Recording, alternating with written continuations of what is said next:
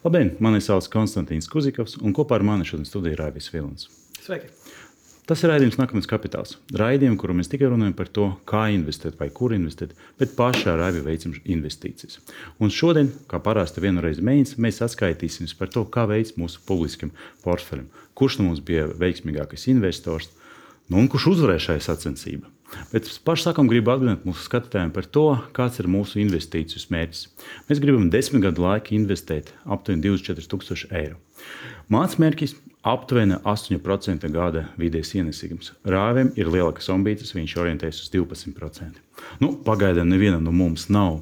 Tā kā mēs esam tā saucamā zaļa zona, mēs joprojām esam sarkanā zona. Un joprojām mūsu investīcija mazāk nekā mēs investējam, vairāk nekā ir mūsu investīciju portfelis. Tomēr jau ir, manuprāt, pietiekami labas tendences salīdzināt to, kā bija pagājušajā gadā. Bet raidījuma turpinājumā gribu atgādināt par to, kāda ir mūsu investīcijas stratēģija, kā mēs investējam. Būtiskākais ir tas, ka mēs investējam katru nedēļu, ka mēs nemēģinām atrast labāku momentu, kad tirgus ir viszemāks cenas vai kad tirgus iet uz augšu. Katru nedēļu periodiski investējam aptuveni 50 eiro nedēļā. Mēs veicam līdzvērtīgas investīcijas visus. Visas akcijas vai, vai, vai citos investīcijas veidos, lai mēs varētu diversificēt savus riskus. Nu, galvenais, ka mēs nemēģinām veidot ļoti lielu portfeli, aptuveni tikai 20 dažādus, dažādi aktīvi. Kā veicas manam portfelim? Gribu atgādināt visiem par to, ka es pārstāvu tikai SP 500 akcijas, kas nozīmē tā saucamas blue chips vai zilas fiškas, ka lielākie uzņēmumi, kas kotējas ASV bieži. Daži starp šiem uzņēmumiem arī ir starptautiskie uzņēmumi, kas arī strādā ne tikai ASV, bet visā pasaulē, ne tikai Eiropā. Bet tomēr es fokusēju uz tādu klasisko klasiskām akcijām. Sāksim ar to, ka vispār SP 500 uh, indeksam gāja šogad. It kā viss ir kārtībā, sāk beidzot augt, un no janvāra izauga gan 3%. Bet, ja mēs paskatāmies, kā gāja gada griezuma, uh, trešais māte pret trešo māti, tad mēs redzam, ka īstenībā ir minus 10%. Tā kā, ja jūs investējat jau gada pagājušo 12 mēnešu, jūs esat uh, ar mazāku kritumu, ka 10%, tad es īstenībā jūs esat pietiekami veiksmīgs investors. Kā gāja man pret SP 500 uz vakardienu, ko es varu dabūt no Internet Brokers platformas, tad drusku labāk no gada sākuma mans ienesīgums bija 3,43%, tad, kad SP 500 indeksam bija 2,91%. Bet es gribu atgādināt, ka tas nav mans ienesīgums kopumā, tas ir ienesīgums tikai no gada sākuma. Tāpēc, ka, ja mēs paskatīsimies, kā man gāja vispār, tad uz šo brīdi investēt 3750 eiro, bet kopīga portfeļa vērtība ir 3572. Sanāk tā, ka mans ienesīgums ir negatīvs, mīnus 4,75%. Un no visiem akcijiem man ir, ir 18 portfeli. Tikai attiecīgi septiņas akcijas rada pozitīvu tendenci. Tas ir labi, tāpēc, ka tomēr ir, ir septiņas, nu, gan arī nav tā kā puse, bet nu, tuvojas tam. Bet tik un tā bija arī mēneši, kad tikai divas, vai trīs vai četras akcijas bija, bija, bija sarkanā zona. Ja mēs paskatīsimies, kā veicas manam portfelim pa segmentiem, tad janvāri pret februāri es gribu šeit atgādināt mūsu skatītājiem par to, ka tas ir janvāra sākums. Tāpēc tas summas, investē, investīcijas summas un vērtība izauga uh, visos segmentos. Un ir jāatzīst, visos segmentos ir, ir, ir uh, negatīva tendence, ka faktiski es joprojām katru segmentu zaudēju naudu. Bet nav tik tragiski salīdzinām, ja mēs paskatīsimies uz konkrētu segmentu, un to mēs arī tūlīt izdarīsim. Ja mēs paņemsim pirmo segmentu, tehnoloģijas.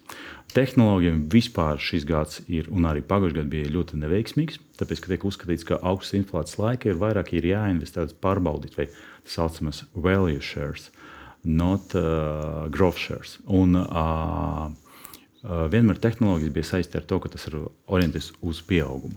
Un es pēc šeit arī speciāli ieliku tādu kā radītāju, kā izauga no gada sākuma visas trīs, visas trīs uzņēmumus. Interesanta lieta, ka Microsoft un, un, un Google faktiski izaugsme ir identiska, pat Google drusku vairāk. Nes to, ka visi uzskata, ka tagad Microsoft ar savu ChatGPT integrāts ar Bing, tūlīt, tūlīt, tūlīt apsteigs Google meklējumus, bet pagaidām mēs neko tādu neredzam. Un tirgus joprojām novērtē abus divus uzņēmumus līdzvērtīgi pēc pieauguma. Tāpēc, tavuprāt, tā ir tas, ir tas, ka tās akcijas jau ir nu, diezgan pārvērtētas. Proti, nu, jau investoriem liekas, ka par dārgu, vai tāpēc, ka investori vēl nav droši, ka mākslīgais intelekts ir nākamais lielais atslēgvārds. Tas zini, tāpēc, ka es domāju, ka mākslīgais intelekts tas ir vairāk tāds. Nu, PR gājiens, par ko visi runā. Mm. Bet neizsmeļot par to, ka uh, Google tas arī ir Google Drive. Un viņu servis, tas saucamais mākoņu servis, aug daudz straujāk nekā Amazon un nekā tas pats Microsoft Azure. Jā, pēc daļas viņš nav tik liels kā Amazon, bet viņš joprojām mēģina mm. augt un joprojām ļoti strauji aug. Plus vēl klāt bija kaut kāds moments, ka nu, tiek uzskatīts, ka Google akcijas tik zemes, ka jāpērk. Par Microsoft joprojām tas nav, nav skaidrs. Vēl viena lieta, kas arī ietekmē uz Microsoft, ka joprojām nav skaidrs, kā, būs, kā beigsies darījums starp Microsoft un Activision. Mm -hmm. Jo Sony ļoti uz to lobi, lai tāds darījums vispār nenotiktu. Un mēs Jā. zinām, ka uh, Buffeta, Berkshire Hathaway investēja tieši pagājušajā gadā pirms nedēļas, man liekas, pirms vispār bija paziņots par šādu darījumu. Bet uh, tas, es domāju, arī ietekmē. Interesanti lieta, ka Apple uz tā visa fona aug daudz straujāk un faktiski gandrīz atgriežas uz to līmeni, kas bija pirms gada. Un kaut kādu brīdi pat bija man tā, tā saucamā zaļa teritorija, ka viņš man saka nest kaut ko. Un tas ir interesanti, tāpēc, ka uh, bija pateikts, ka mēs tirgojam labāk nekā mēs bijām domājuši. Bet nākamā ceturksnī mēs atkal domājam, ka būs problēmas ar piegādi. Mm. Un viņi katru reizi to dara, katru reizi paziņo, ka būs kritums. Tomēr viņam izdodas to kritumu nepanākt, bet panākt izaugsmi. Un atkal viņi vērtē augstāk, bet nākotnēs vērtējums tiek paredzēts, ka būs kritums. Mm. Tas ir pietiekami interesanti un dīvaini. Ja mēs ejam tālāk, tad rekur ir, es viņu saucu par retail vai mazumtirdzniecības segmentu, Walmart un Procter Gamble. Uh, uh, negaidīt.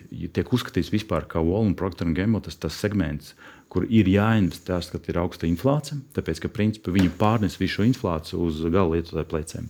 Bet mēs redzam, ka tomēr ir kritumi īpaši Walmart un ne tik sen. Uh, šīs akcijas, abas akcijas bija man tā saucamā zaļa segmenti, kad viņi bija ar pozitīvu ienesīgumu, bet tomēr viņi pēdējā laikā krita. Ja mēs paskatīsimies uz mēdīju segmentu, tas vispār bija ļoti interesants. Uh, ļoti liels kritums pagājušajā gadā. Es investēju tad, kad tas kritums bija. Mēs redzam, ka ir ļoti liela izaugsme, bet īstenībā, ko es panācu, es panācu to, ka agrāk New York Times bija tāds lielākais lūzeris manā portfelī mm -hmm. ar kaut kur gandrīz minus 40 uh, eiro pret manām investīcijām. Nu, tagad minus 10. Nu, uh, kaut kādā brīdī arī bija ļoti tuvu tur, lai ieraudzītu to zāļu uh, krāsu, kā ir pieaugums. Bet tomēr pēdējās dienas un pēdējās nedēļas atkal New York Times drusku tas samazinājās.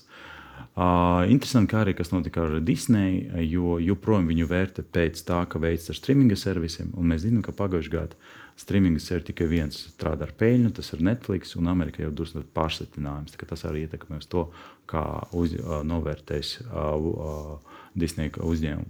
Plus, turklāt pēdējās filmas joprojām nav tik veiksmīgākas, kā viņi varētu būt, ka bija Marvel iepriekšējais sērijas un tā tālāk. Ja tālāk mēs tas turpinām pārtikas segmentā, mēs šeit esam, un šeit man beidzot pirmā akcija, kas man dod plus 59 centus. Tas ir McDonald's akcija.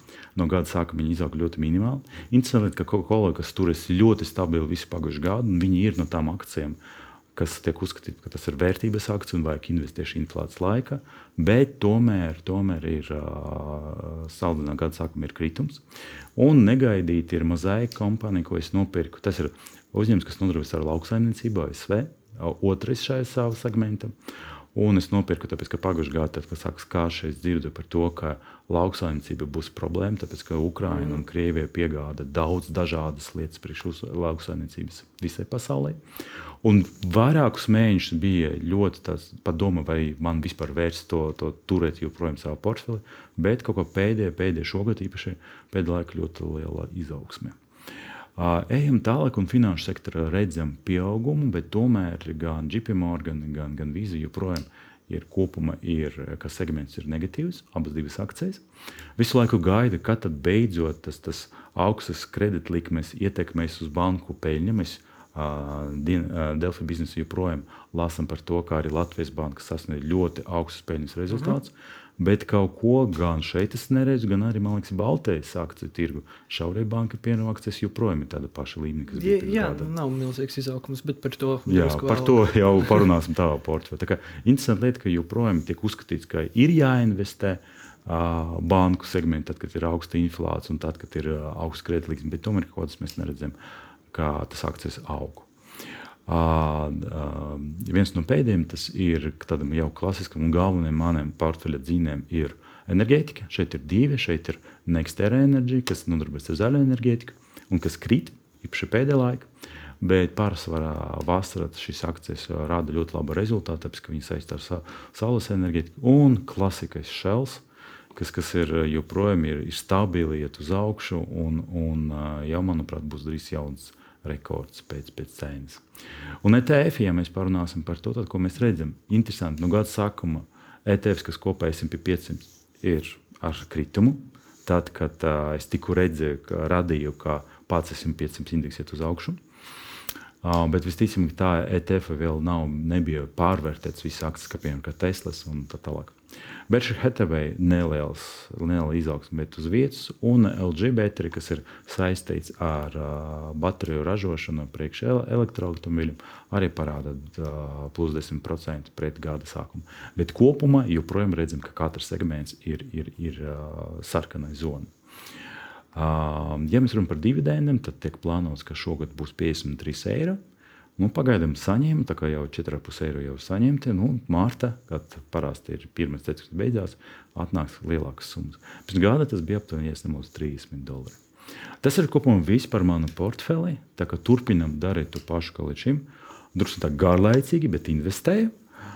Domāju, pirms dažiem nedēļām arī domāju, varbūt ir veids kaut kādu veikt izmaiņas, kaut ko pārdot, kaut ko nopirkt. Vienu bija doma, ka ir laiks varbūt pārdot Google, tāpēc ka viņam nav Apple vismaz ražo telefonus. Uh, Microsoft ir, ir, ir ChatGPT, Google ir garlaicīgs, bet paskatoties stipri, joprojām viss ir kārtībā. Kā, un ir kaut kāda izaugsme. Pagaidām nekādu ausu kustību no manas puses netika plānots. Un es domāju, ka turpināšu to visu investēt.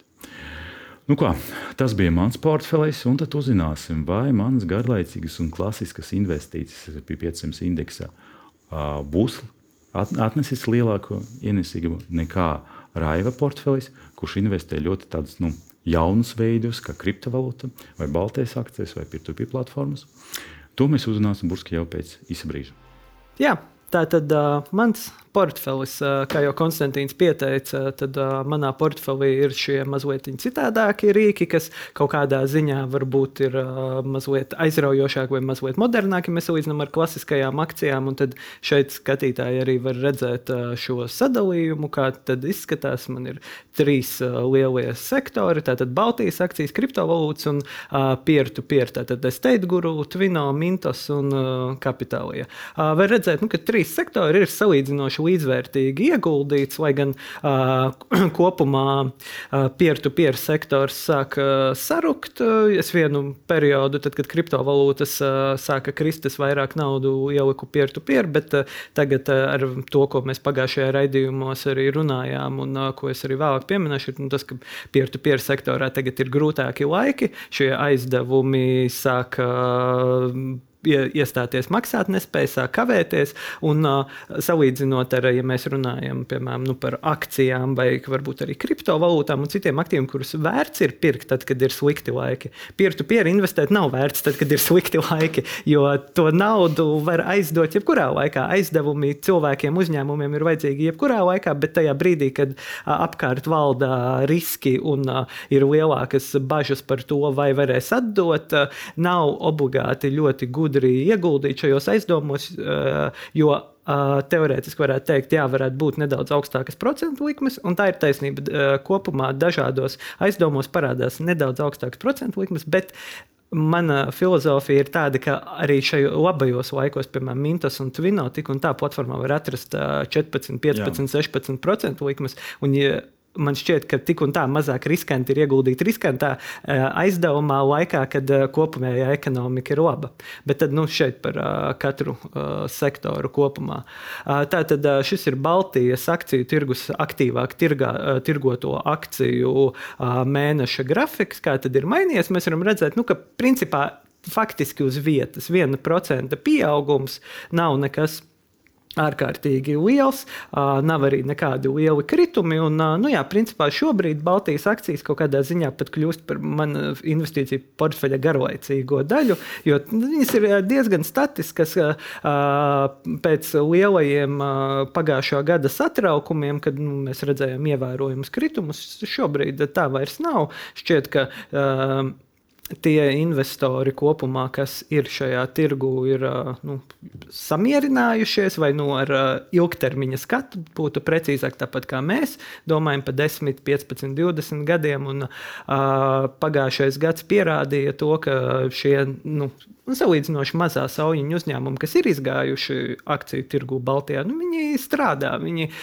viņiem ir biznesa modeļi, kuri ir uh, pārliecinoši, kuri spēj sevi pierādīt viņi rūpīgi seko savām finansēm, un uh, kopumā acīm redzami investoriem arī nav pārlieku lielu bažu. Un tad šeit ir arī mans akciju portfelis. Man ir divas sarkanie sektori. Tātad Madara Cosmetics, kas ir nu, no visiem maniem sektoriem, visticamāk, ir tas visjūtīgākais pret patērētāju noskaņojumu un kopumā, nu, kā tad patērētājiem vai ir maciņā nauda kosmētikai vai nē. Un, un, un, un, un, un Novatūras, kas uh, Uh, jā, nu, tas uh, turisma sektors uh, pārvadā. Nu, līdz vasarai. Jā, jā, jā. Nu, tā varētu būt. Es arī nekādā veidā šeit ir redzams bilances pozīcijas. Mm. Tabūņā var redzēt, ka man desmit akcijas esmu uzlicis nopirkties, vēl darījums nebija izpildījies. Bet mm -hmm. jā, es papildinu un izmantoju šo pašu metodi par izlīdzināto ieguldījumu, ko mēs te pielietojam. Es arī no novatūras tūlīt izkārpīšos no sarkanā. Un visticamāk, ja, ja nekas ārkārtīgi slikts ar uzņēmumu nenotiks, nebūs pēkšņas akciju pārdošanas, jau nākamajā raidījumā šis man visticamāk būs zaļajā sektorā pēc cenām. Tāpēc, es ieguldīju, ka tās bija nedaudz augstākas, un man šķiet, ka tagad ar jaunajiem ieguldījumiem vajadzētu tuvoties. Vai tad nedomā vēl nopirkt Madara kosmetika akcijas tādu veidu, tu izlīdzinās to pirkuma cenu, un varbūt būs jau ne minus 20 un minus 15%? Jā, es, Bet jau būs kaut kā minus 7. Tas, tas bija tieši mans iepriekšējais iepriekšējais pirkums pirms Novaturas Madaras akcijas nopirku. Un, un iespējams, ka vēl es varētu nedaudz papildināt, mm. bet arī man gribas ieguldīt arī pārējos uzņēmumos, tāpēc ka kopumā individuāli apskatot arī šo uzņēmumu uh, grafikus, viņi turpina augt. Enerģētikas sektoram iet uh, nu, jau diezgan pozitīvi. Iespējams, ka uz vasaru varētu būt kaut kāds ne, neliels kritums, bet nu, kā mēs jau šī gada, iepriekšējā gada laikā redzam, redzam, tad Baltijas tirgus nav tik emocionāls, vai tie būtu milzīgi, jā, jā. ka investori masveidā pārdos Enefita akcijas. Nē, jo liela daļa tie, kas iegādājās, ir nu, cilvēki, kuri arī ilgtermiņā par to domā. Banku sektoram man ir drusku labāk nekā tev. Tur nav nekāds milzīga izaugsme vai milzīgā peļņa, bet ir labāka. Bet, 9% tas ir labi. Jā, jā, jā bet nu, tas arī ir 13 vēl. Jā, jā, jā, bet tas arī ir saistīts ar to, ka ir pakāpeniski pirkts pa pagājušo gadu. Mm. Pagājušajā gadā, kad akciju vērtība bija krietni lētāka. Un šeit arī var redzēt to, ka Šauļu bankas un Kopu banka akciju skaits ir paliels. Ja mēs paskatāmies pēc akciju daudzuma, jā, tad šeit arī ir bijusi lielāka tā izlīdzināšanās iespēja nekā citās akcijās, kas ir iepirktas mazāk, mazāk bieži. Es, nu, es ne katru nedēļu sadalu šos 50 eiro mm -hmm. pa visiem visiem uzņēmumiem, nu, tāpēc ka tas būtu diezgan sarežģīti. Un tad, attiecīgi, arī tās bilances pozīcijas, kur ir mazāks vienkārši akciju skaits, arī ir mazāk iespēja bijusi izlīdzināties. Tāpēc arī šis finanšu sektors man uzrāda labus rezultātus. Bet no otras puses, ja mēs paskatāmies tavu portfeli, tad es, es varu pateikt ļoti labi. Jo tev sanāk tikai divas pozīcijas no desmit, no deviņiem ir, ir sarkanas. Mhm. Jo manā gadījumā tas ir daudz mazāk nekā puse. Jā, jā, jā. jā. Un, Tā kā Baltijas tirgus un tavas investīcijas šeit ir jūtās daudz, daudz labāk. Jā. Un daudz vairāk zaļā zona nekā manējā. Jā, jā šis, šis ā, kopumā gads ir iesācies relatīvi pozitīvi. Ir mm. maza izaugsme, mēs redzējām mēneša periodā, bet, ja paskatās ā, divu mēnešu periodā, jau tur bišķi vairāk procenti ir. Tur, man liekas, ir gada 3% izaugsme. Tā kā lē- lēnā garā, mierīgi. Un, Bet, skaties, kā, mēs visticamāk nonāksim arī līdz kriptovalūtu mm. pirktu. Tu pateici par to, ka pirktu pirkt kļuva riskanti. Es domāju, ka kriptovalūta joprojām vēl nav tāds labs veids, kā investēt. Vai Baltijas akcijas šajā gadā nebūs tev galvenais fokus tuvāko mēnesi? Nu, tā izskatās. Tā izskatās. Okay. Nē, nē, to, to es arī mūsu ikdienas atskaitēs. Es arī to esmu rakstījis. Ka, starp citu, skatītāji, kuri vēlas sekot, kā mūsu portfēlim iet katru nedēļu, mēs ar Konstantīnu pirmdienās publicējam īsus pārskatiņus, kā, kas ir noticis tirgu un kā ir mums personīgi gājis un mūsu domu gājienu. Un tur arī es rakstīju, ka Baltijas akcijas ir šobrīd mans fokus. Es arī gribu papildināt arī visas pārējās akcijas, nedaudz piedzīt ā, arī skaitā līdzvērtīgi varbūt. Un, ā, un Bet tu skaties nevis uz ieguldītu summu, bet uz akciju skaitu. Jā, tā, tāds bija mans sākotnējais mērķis. Es, uh, Tur es, es, es, pareizi, es, tāpēc, dažas akcijas ir ļoti dārgas, piemēram, kā Kobanks. Dažas akcijas nav tik. Jā, nu es, es cenšos to balansēt arī, kā es uh, minēju, pēc tā, nu, vai man vajag izlīdzināt uh, šo negatīvo uh, izaugsmi vai kritumu, vai tieši otrādi. Nu, teiksim, ja es redzu, ka ir tā negatīvā, tad es iegādājos varbūt nedaudz vairāk, lai viņš izlīdzinātos uh, ilgtermiņā. Jo, kā, kā es esmu teicis, kopumā visiem šiem uzņēmumiem uzticos, un man nav neviens tāds, no kuras šobrīd domātu atbrīvoties vai nomainīt. Un tālāk, tad šeit ir tas apmēram sadalījums nu, pēc akciju skaita. Un tālāk ir jau kriptovalūtas, kur Plus 4%. Gan. plus 4% jā, kopš uh, šajā ja mēs paskatāmies garāku periodu, kā man grāfiskā Garā- gada ietvaros, Jā, garākā periodā zaudējumi vēl grozās ap 40% bitkoinam. Bet, uh, Ir bijis uh, šis periods, bijis salīdzinoši labāks, pozitīvāks. Uh, Īsti izskaidrojuma tam nav. Nu, tāda tirgu balstīta, tāpēc, ka, ja mēs salīdzinām ar dažām pozitīvām lietām, kas, piemēram, notika pagājušajā gadā, tur tas, ka Ethereums mainīja to savu darbības principu, ka tur Visa un Mastercard sāka piedāvāt pakalpojumus, kriptovalūtu pakalpojumus sniedzējiem, bet, protams, pagājušajā gadā arī bija vairākas milzīgi sabrukumi un tā tālāk. Bet tad kopumā šobrīd. Uh, Tirgus ir relatīvi mierīgs. Patiesībā pēc uh, dažu statistikas datu aprēķiniem februāris ir bijis vismazāk svārstīgais bitkoina mēnesis. Jo principā šeit ir mazliet ilgāks uh, periods, bet uh, kopumā, un, un tas arī atkarībā kurā mēs biržā skatāmies, vai kā, jo pretēji akcijām kriptovalūtas mainās no tā, kurā vietā mm. viņas tiek tirgotas. Bet uh, vidējais tas uh, izmaiņa pa mēnesi arī bija apmēram 1% bitkoinam. Nu, šajā gadījumā ir 4, bet uh, pēc citiem aprēķiniem ap 1%, kas ir uh, neticami kriptovalūtām, kuras iepriekš lēkāja pa 10, 20% vienā dienā. nu, bitkoins tā, uh, kļuva par stablecoin. Jā, bitkoins ir principā stablecoins. Un, jā, un tas ir arī interesanti, ka ir šāda. Tā, iespējams, ka starp citu tā ir taisnība, ko tu saki, jo daļa investoru tiešām ir atgriezušies atpakaļ pie bitkoina vairāk tāpēc, ka ASV regulātori un Eiropas regulātori sākuši mest acis un veikt darbības tieši pret šiem stablecoiniem. Mm.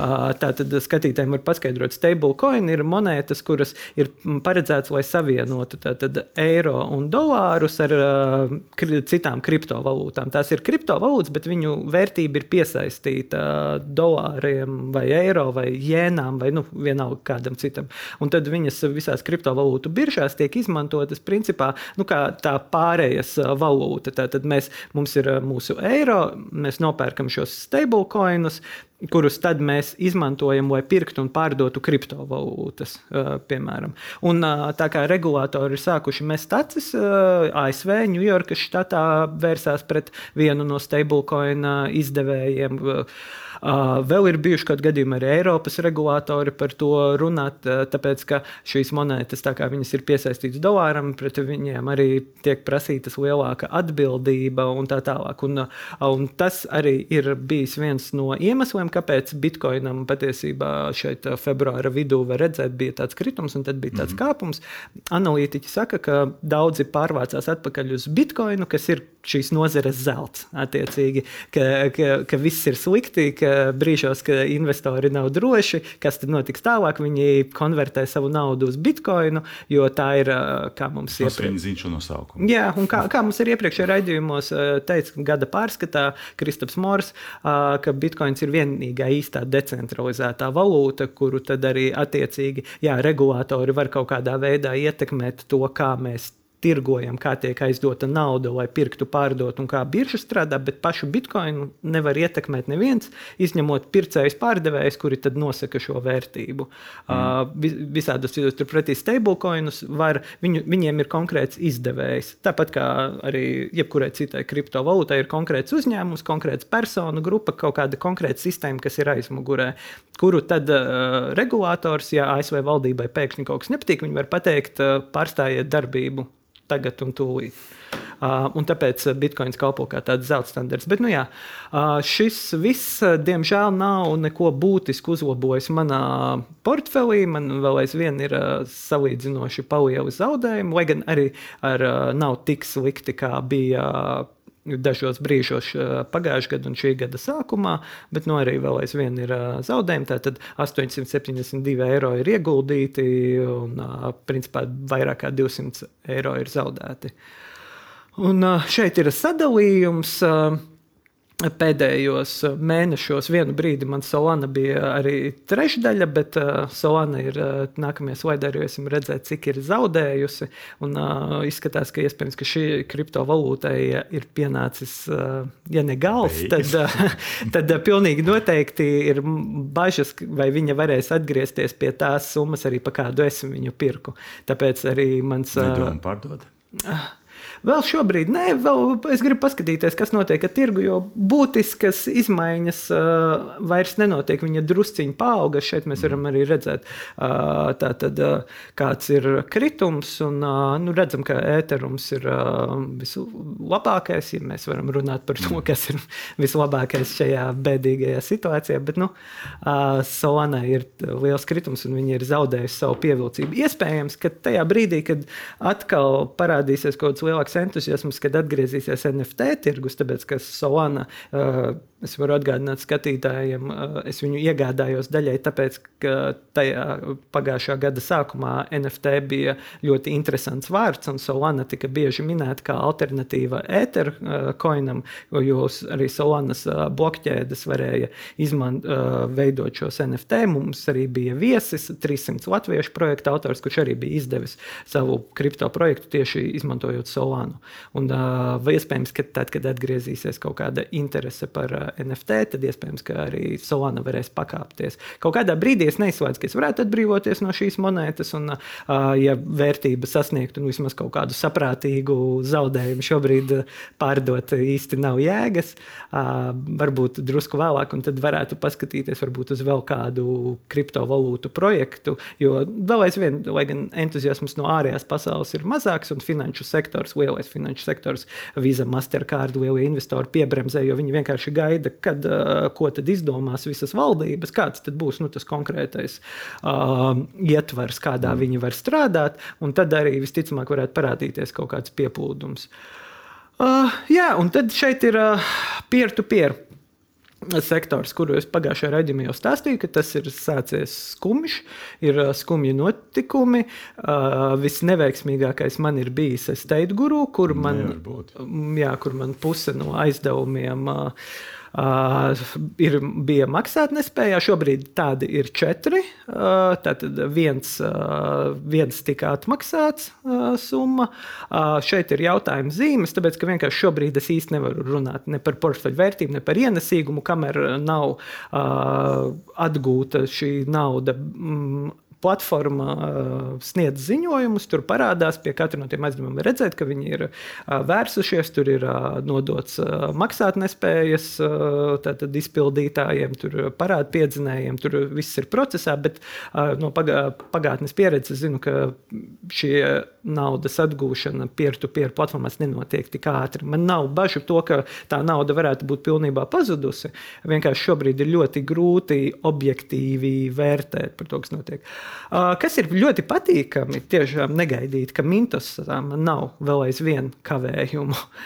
Un Twino arī ir 3 plus 1, kas ir salīdzinoši neliels kopumā, jo es esmu abās šajās platformās arī pieslēdzis tos automātiskos investīciju Jā. rīkus, robo investorus, un tur tiek pa ļoti mazām summām laikam pat pa vienu vai dažiem eiro tiek ieguldīts ļoti daudz aizdevumos un dažāda veida aizdevumos. Tur ar, nu, ar nosacījumu es esmu uzlicis saprātīgu risku, laikam 12% maksimums uh, ir nu, aizdevums, un tur ir arī tie riska faktori, kurus var norādīt. Un man ir tagad ļoti, ļoti daudz mazu investīciju, bet kuras visas izpildās. Uh, Tā kā iespējams... Es teicu, guru tev nav tas robots. Nē, es teicu, guru es uh, līdz šim veicu pats investīcijas. Un, uh, nu. Tad tev labāk dzīvokli nepirkt.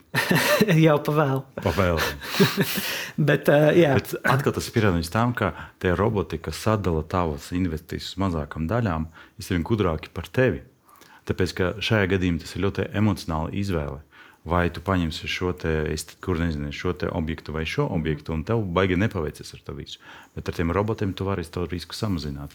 Jo man, pieņemsim, privāti, es kuru privātam manam portfelim, es kuru ir, es izmantoju tikai robotu. Un man tur ir sliktākais radītājs bija kaut kur 9% no visas portfeļa, bet tagad vispār ir, man liekas, nulle.